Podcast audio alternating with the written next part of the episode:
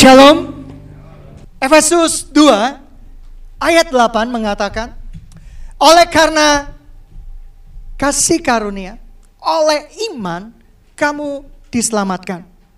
Itu bukan hasil usaha kita, itu bukan karena perbuatan baik kita, tetapi itu sungguh-sungguh karena kasih karunia Tuhan. Tetapi oleh iman, itu bahasa Yunaninya pistis atau pisteo. Bahasa Ibrania adalah aman. Kata pistis oleh karena kasih karunia oleh iman. Kita garis bawahi oleh iman. Kata pistis itu kata kerja. Yang artinya sebuah tindakan untuk mempercayai seseorang.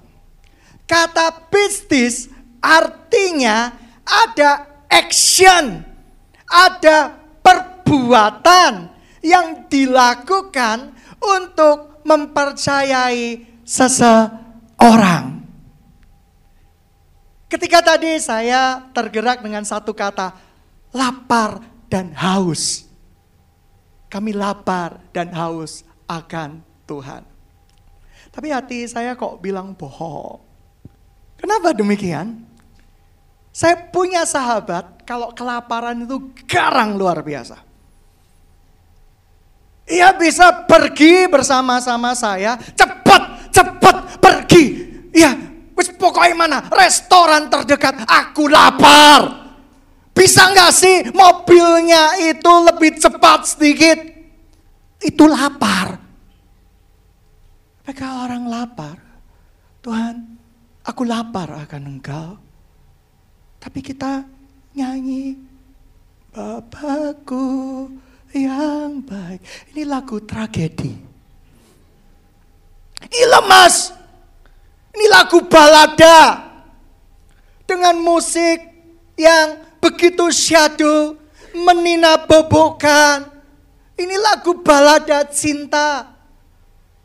Ini bukan lagu tentang Bapak kita yang baik. Sidang jemaat yang dikasih Tuhan, kata pistis adalnya kata kerja continue terus menerus. Itu percaya. Iman dalam bahasa Ibrania artinya aman. Itu kata kerja, verb. Oleh karena itu dusta besar seseorang yang mendapatkan kasih karunia Tuhan tetapi tidak melakukan tindakan untuk menyatakan kasihnya kepada Tuhan. Itu bohong. Begitu banyak doktrin-doktrin murahan untuk menutupi legalitas kita berbuat dosa. Contoh, saya suka pacaran sambil cium-cium, sambil peluk-peluk, dan sambil berbuat zina. Karena tidak bisa hidup kudus, kita ambil doktrin yang menurut pikiran kita mudah diterima. Gak apa-apa kok. Injil itu gak perlu perbuatan. Cukup dengan kasih karunia. Padahal Efesus katakan kasih karunia oleh iman. Satu paket nak. Sekarang saya mau tanya. Siapa yang pernah ikut delivery barang lewat gosen. Itu satu paket enggak sih? Bapak gojeknya dengan barangnya itu satu paket enggak? Satu paket. Siapa yang bisa menerima barang tanpa diantarkan? Angkat tangan. Ada kata kerja, ada tindakan. Sidang jemaat yang dikasih Tuhan, Hati-hati, banyak orang bermain pikiran tetapi tidak mengerti kebenaran yang seluruhnya. Injil katakan engkau harus menjadi saksiku di Yerusalem. Yang artinya lingkungan terdekat kita. Yudea yang artinya lingkungan yang lebih luas lagi. Samaria artinya ke orang-orang kafir. Dan sampai ke ujung-ujung bumi. Tetapi kita Yerusalem belum diinjili karena merasa setiap orang yang sudah ke gereja pasti diselamatkan. Karena kita merasa bahwa setiap orang yang duduk di bangku gereja pasti diselamatkan. Kalau menurut saya bagaimana? Saya nggak berhak menghakimi. Tapi miris sekali ada orang yang berpikiran sedemikian kecilnya. Sedang jemaat yang dikasih Tuhan, lalu baru Yudea. Bagaimana dengan rekan-rekan sekantor Anda? Dahulu ketika kita tidak punya apa-apa, kita miskin, makan di restoran pun tidak bisa, makan di warung makan pun tidak bisa. Dan saya pernah mengalami hal-hal seperti itu. Indomie menjadi bagian sahabat saya yang setia. Mie instan menjadi bagian sahabat saya yang setia. Tetapi begitu kita sekarang hidup di dalam berkat-berkat Tuhan. Apakah sungguh-sungguh kita menceritakan kasih Tuhan, kata kerja, menunjukkan iman dan kepercayaan kita kepada orang-orang di sekitar kita? Menunjukkan iman itu mudah. Ketika engkau didahului oleh kendaraan lain. Tidak usah emosi Ngejar kendaraan itu. Sampai dua-duanya masuk ke dalam rawa. Tidak usah emosi. Ketika kamu antri di bank, diserobot orang, tidak usah emosi. Itu mudah. Itu tindakan iman, tindakan percaya kita. Sidang jemaat yang dikasih Tuhan, begitu banyak yang bisa kita lakukan. Ada yang masih mahasiswa, Kenapa engkau tidak menjadi saksi di kampusmu? Sedangkan Yerusalem yang Tuhan percayakan kepadamu belum kamu menangkan. Tapi kita langsung mau melompat ke Samaria, bangsa kafir yang belum mengenal Kristus. Langsung mau melompat lagi ke ujung-ujung bumi. Kita ini bermasalah. Bermasalah soal apa? Soal hati kita sama Tuhan. Orang lapar dan haus akan Tuhan adalah orang yang menunjukkan sebuah tindakan, action atas kelaparannya dan atas kehausannya akan Tuhan. Bumi ini cuma sementara. Oleh karena itu jangan kumpulkan harta di bumi, masih ada kehidupan di surga. Umur manusia jikalau dia kuat 70 tahun. Lebih kuat lagi, lebih dari 70 tahun. Siapa yang punya rumah mewah sekarang angkat tangan? Umurmu berapa? 35. Oke. Kamu kurang berapa tahun sewa kontrak rumahnya? 30 lima tahun. Dan itu akan kau tinggalkan. Oleh karena itu, Tuhan berkata, kumpulkan hartamu di surga yang gak bisa dimakan oleh ngengat sekalipun. Kita merasa di surga kita setiap hari cuma duduk sembah Tuhan, duduk sembah Tuhan. Hei, surga adalah kehidupan.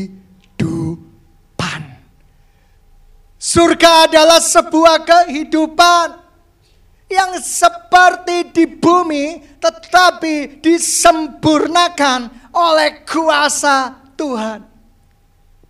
Oleh karena itu Tuhan berkata jadilah kehendakmu di bumi seperti di dalam sorga. Sidang jemaat yang dikasih Tuhan, umurmu berapa? Berapa waktu lagi yang tersisa untuk kau persembahkan sisa hidupmu untuk kemuliaan nama Tuhan.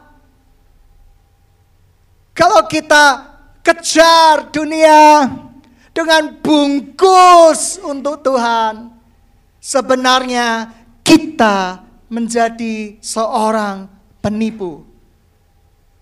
Dan kita tidak bisa menipu lagi ketika Tuhan Yesus datang untuk kedua kalinya.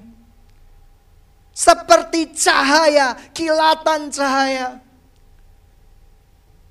Sementara mungkin suatu saat saya berkhotbah, tiba-tiba saya menghilang di hadapan Anda dan Anda semua menghilang. Jangan sampai sementara saya berkhotbah Anda menghilang, saya tetap tinggal. Payah banget, ngeri banget. Oleh karena itu, saya rindu kita semua ambil bagian di dalam kerinduan Tuhan. Apa sih kerinduan Tuhan di dalam hidup kita? Pergi, jadikan semua bangsa muridku. Senang dengan banyak buku, tidak apa-apa. Tetapi senang dengan banyak buku. Kita baca buku tentang cinta. Ada quote-quote menarik. Kita kasih stabilo. Cinta adalah cinta. Cinta adalah pemberian yang terindah. Kita stabilo, kita menangis-nangis sendiri atas quote itu. Bahagia-bahagia sendiri. Ini orang yang paling kasihan sedunia. Dia cari pembenaran atas masalah yang dia hadapi.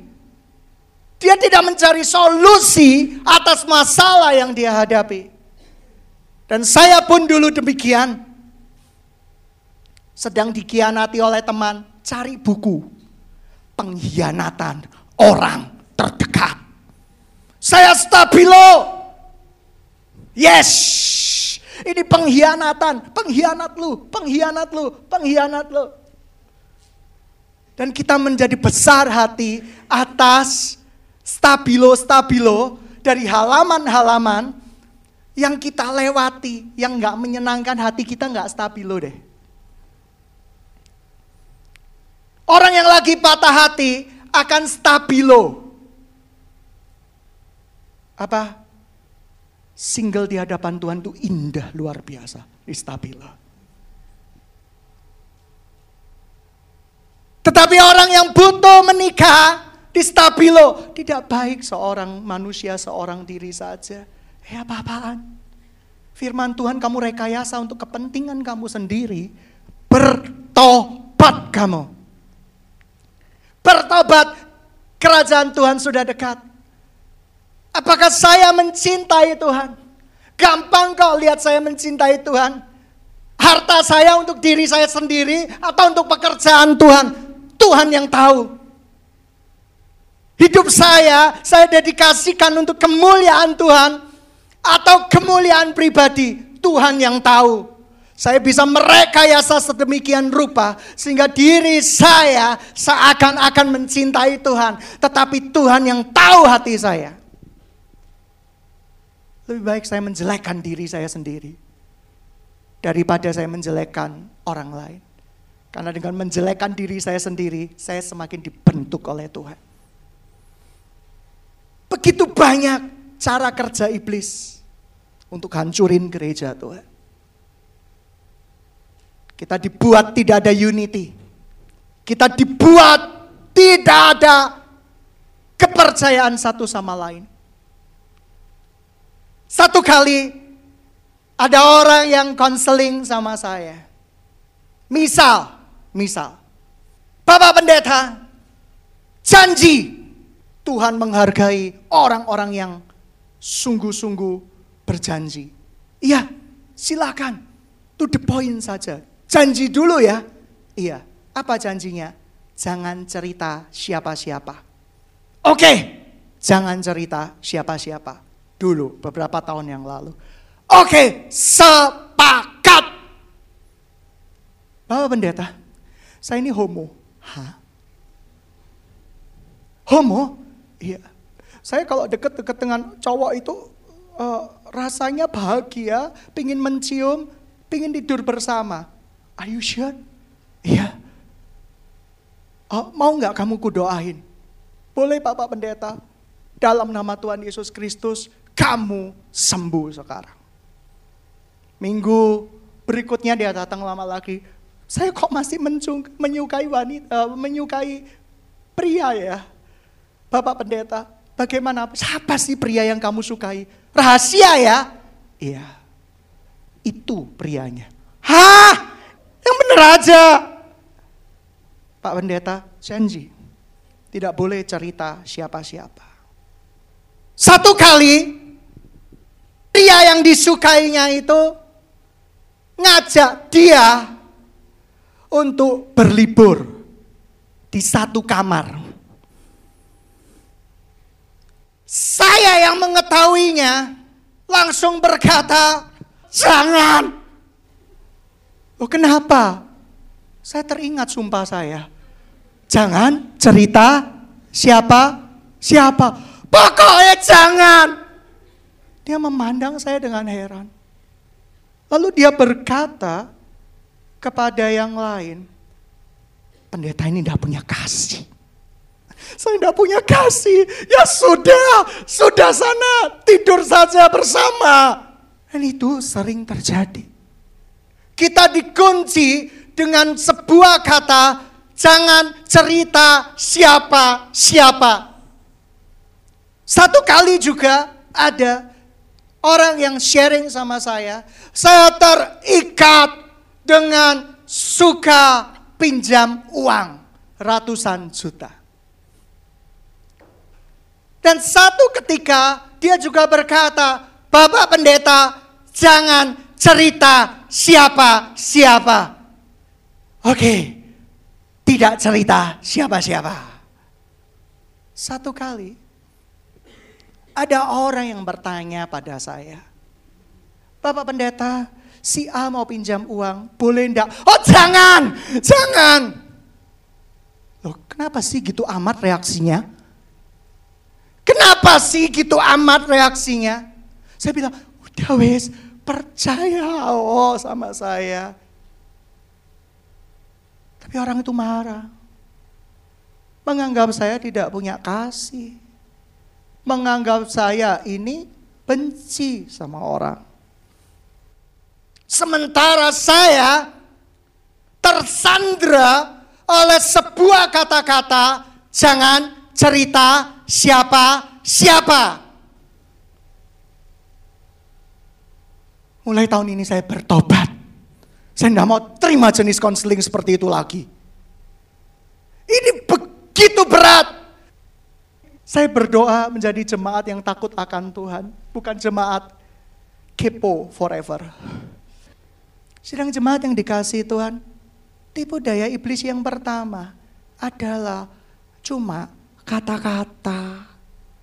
Aku lapar dan haus akan Tuhan percayalah. Saya sering menyaksikan sahabat saya lapar dan haus. Saya tahu reaksinya bagaimana, betapa garangnya, betapa ingin cepat-cepatnya pergi ke sebuah rumah makan. Engkau tidak tahu melihat sendiri orang yang lapar dan haus.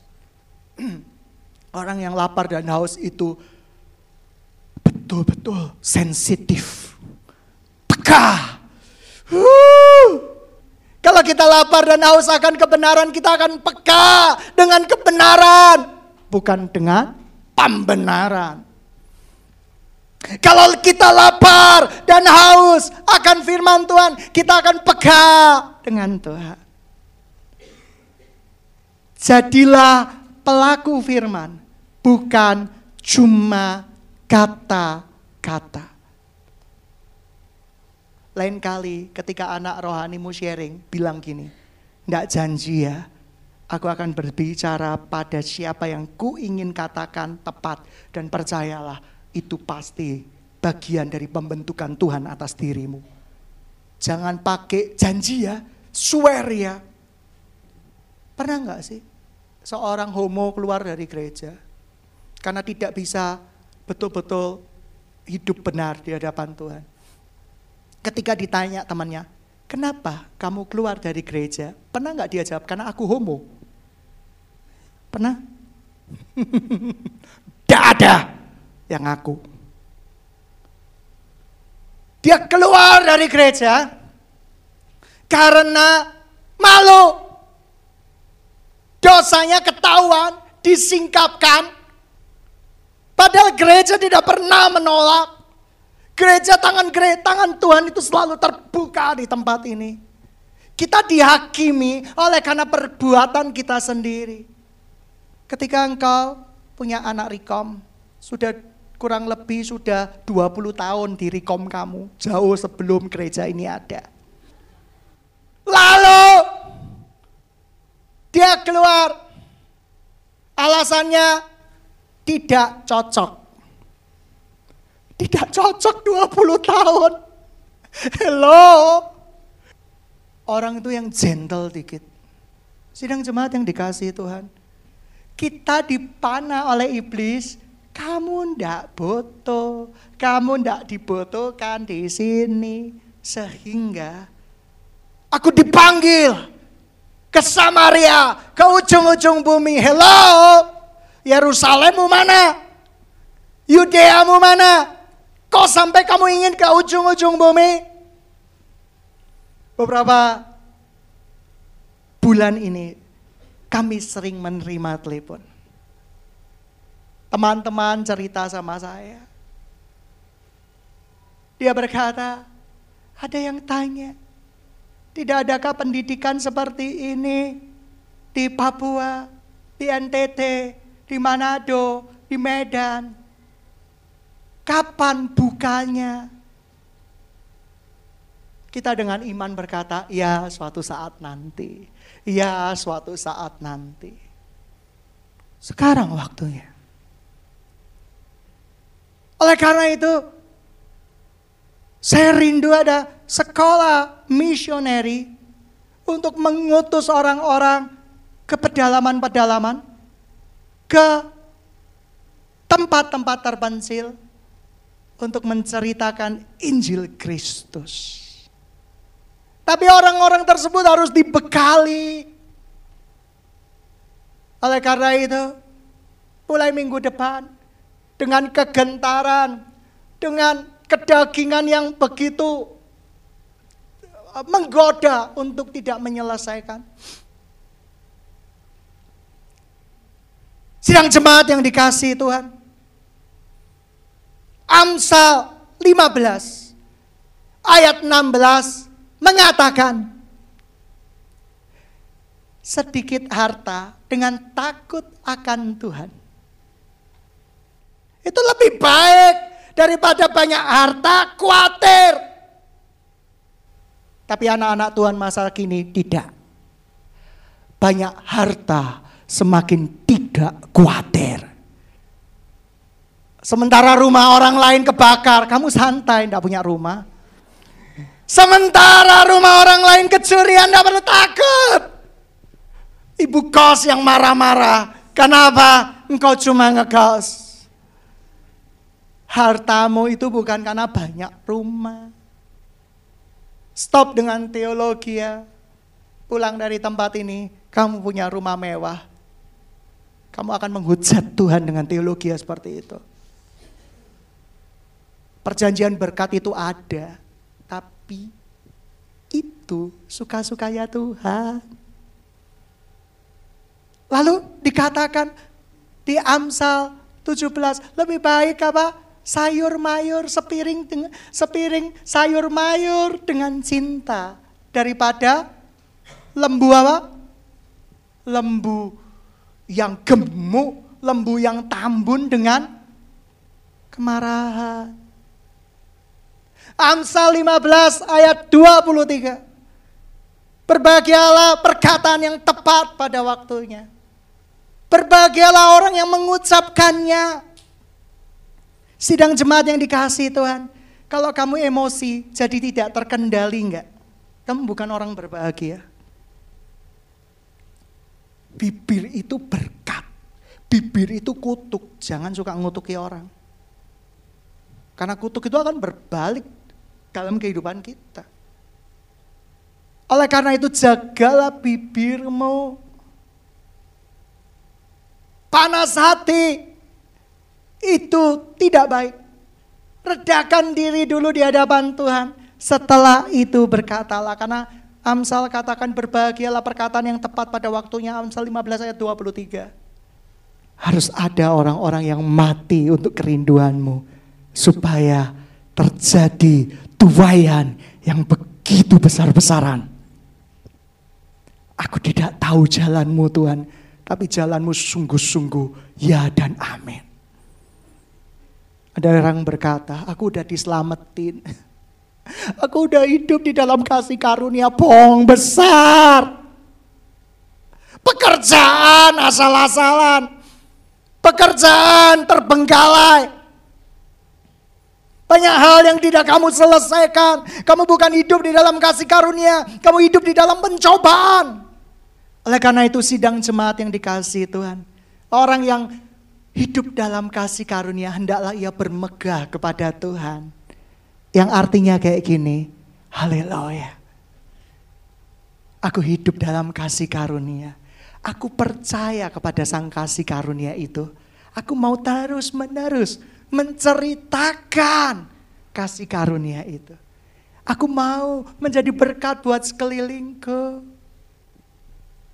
Orang yang mencintai Tuhan akan terpancar di dalam raut wajahnya.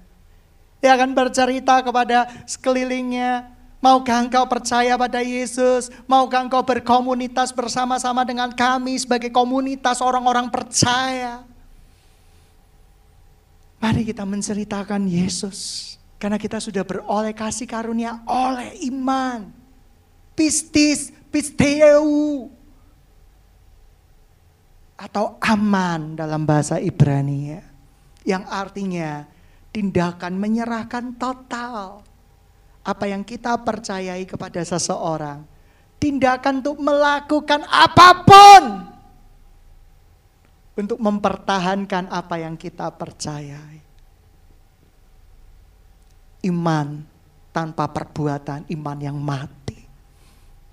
Banyak orang yang memahami Injil kasih karunia, tapi kurang oleh iman oleh karena itu kasih karunia melulu, kasih karunia melulu. Oleh karena itu bebas, boleh pacaran, pegang-pegang, kasih karunia men, kasih karunia. Oleh karena itu Paulus dengan bilang, katakan dengan tegas, kasih karunia yang tanpa disertai dengan tindakan adalah kasih karunia yang bukan kasih karunia. Sidang jemaat yang dikasih Tuhan. Suara Tuhan memanggil kita. Roh Kudus memanggil kita. Siapa yang mau percaya? Imanmu bukan tergantung pada pendetanya. Tapi karena Kristus angkat tangan. Imanmu tergantung karena Kristus. Fase penuaian. Menunggu dibangun. Siapa yang membangunnya? Jemaat. Jemaat yang takut akan Tuhan. Jemaat yang sungguh-sungguh berikan hidupnya untuk Tuhan. Kita dikumpulkan di dalam sebuah kerinduan Tuhan yang besar. Satu hari saya rindu. Lewat pendidikan. Lewat kesehatan. Kristus diceritakan. Amin. Orang yang sakit, dia akan mencari siapa pun. Sayangnya mereka kadang cari dukun. Kalau mereka cari Kristus, sakit disembuhkan, keselamatan jiwa diselamatkan. Anak-anak muda, engkau di kampus, engkau di sekolah, engkau di dunia kerja. Karena statistik membuktikan orang 60 tahun masih disebut anak muda. Sebuah laporan terbaru dari WHO yang disebut anak muda itu umurnya 60 tahun. Saya bersuka cita. Salah satu tante saya masih anak muda. Haleluya. Amin. Amin. Siapa yang mau terpanggil untuk pekerjaan Tuhan menutup fase yang ketiga ini dengan the great revival. Syaratnya mudah. Jangan kawin campur. Kawin campur tuh kayak gini. Bangsa Israel itu sesungguhnya sudah diberikan peringatan berulang-ulang jangan kawin campur dengan bangsa lain. Kalau kalian jangan bersahabat dengan orang-orang yang tidak sejalan dengan visi Tuhan di dalam hidupmu. Lah visinya dia mau jadi orang yang diberkati. I want menjadi orang yang sangat kaya raya. Tapi mimpi Tuhan di dalam hidupmu jadi misionari. Kamu bergaul dengan orang yang diberkati. Mau mimpinya jadi orang yang diberkati. Dan hari ini, jikalau suara Tuhan menegur kita, bangkit. Karena ada saatnya Anda melihat nanti Kedatangan Tuhan itu seperti kilat menyambar. Dan dalam sekejap tubuh kita digantikan dengan tubuh kemuliaan. Surga itu ada. Surga itu kekal. Surga ada kehidupan. Sebuah kehidupan yang mungkin gak pernah kamu bayangin. Pikiran manusia membayangin di surga itu cuma tepuk tangan, puji Tuhan. Sampai gak mari-mari tepuk tangan, memuji Tuhan. Itu bukan surga. Itu surga menurut versi pemikiranmu. Tapi di surga ada kehidupan. Dan di situ tidak ada ratap tangis. Stop dengan Injil murahanmu. Stop dengan pemahamanmu Sidang jemaat yang dikasih Tuhan. Maukah engkau menjadi jemaat yang memasuki fase yang ketiga. The Great Revival. Kau usah khawatir dengan apa yang kamu makan, minum, pakai. Kamu pikir Bapamu di surga itu tidak menyediakan buat engkau. Kamu menghina Tuhan. Kamu sudah menghina Tuhan. Tapi kalau kamu percaya, maka kamu tidak akan pernah dipermalukan. Saya begitu banyak melihat orang yang percaya kepada Tuhan dan tidak pernah dipermalukan. Karena Tuhan tidak akan pernah membuat satu perkara. Roma 8 ayat 28. Bahwa aku tahu Allah turut bekerja di dalam segala perkara untuk mendatangkan kebaikan. Berubah menjadi seorang tentara Kristus di akhir zaman. Sidang jemaat yang dikasih Tuhan. Satu hal yang kamu percayai. Pemeliharaan itu datangnya dari Tuhan. Jangan tergantung pada anakmu. Jangan tergantung pada orang tuamu. Tetapi pemeliharaan itu sesungguhnya dari Tuhan. Dan Tuhan tahu cara memberkati umatnya. Jangan pernah takut burung pipit loh, kecil di udara dipelihara Tuhan. Kamu apalagi yang sudah segede gaban gini gitu ya seperti itu. Ini ini masa nggak dipelihara oleh Tuhan sih?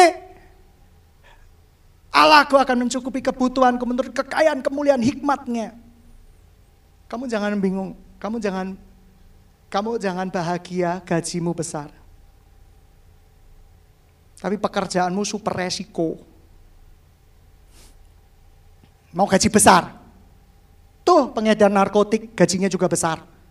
Tapi masuk neraka. Tapi Amsal katakan apa? Sepiring sayur dengan sukacita udah bahagia daripada lembu tampan, daripada babi guling. Kita mendirikan gereja di atas batu karang. Amin. Tidak mudah bergeser, tidak mudah. Oleh karena itu fondasi itu adalah fondasi batu karang. Dan yang terakhir sidang jemaat yang dikasih Tuhan. Siapa yang mendengarkan panggilannya? Ada gerakan kesembuhan. Orang-orang yang farmasi, belajar obat-obatan tradisional. Kamu akan menjadi tabib-tabib yang dipakai perpanjangan tangannya untuk Tuhan. Tapi kamu harus dididik. Kamu harus diperlengkapi sabar. Banyak orang yang gak melihat, gak sabar dan mereka gak bisa menuai. Berbahagialah orang yang sabar karena pada waktu yang tepat mereka akan menuai dengan sorak-sorai. Dan waktu menuai, Kamu gak akan pernah bisa menghitung berkas-berkasmu. Mulai hari ini, doakan orang-orang di kampus kamu. Tidak ada kata menyerah. Amin. Doakan Yerusalemmu. Beritakan Injil. Injil adalah kekuatan Allah yang sanggup menghancurkan belenggu-belenggu. Yang sanggup menghancurkan semua jenis-jenis gangguan sekalipun. Injil is the power of God. Percaya. Siapa yang mau diutus Tuhan? Angkat tangan. Tinggi-tinggi. Aku mau diutus Tuhan. Aku mau diutus Tuhan. Ke mana? Yerusalem dulu. Keluargamu.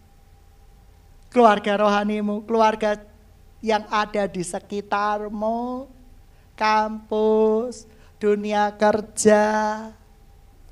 Aku percaya padamu Tuhan, bukan dengan kekuatanku, bukan dengan kekuatanku Tuhan, melainkan dengan kasih setiamu. Sidang jemaat yang dikasih Tuhan. Hari ini, suara Tuhan jelas berkata, persembahkan hidupmu untuk Kristus. Berapa banyak yang mau berdiri bersama-sama kami di tempat ini untuk berkata, Tuhan, aku mau menyelesaikan kerinduanmu Tuhan. Kerja Tuhan begitu heran. Lewat pendidikan sudah terjadi. Lewat kesehatan akan terjadi dan lewat bidang-bidang lainnya. Tetapi mimpi Tuhan terpaksa Tuhan melewatkan engkau dan menunggu sebuah generasi yang mau membayar berapapun harganya yang harus dibayar mendapatkan generasi itu.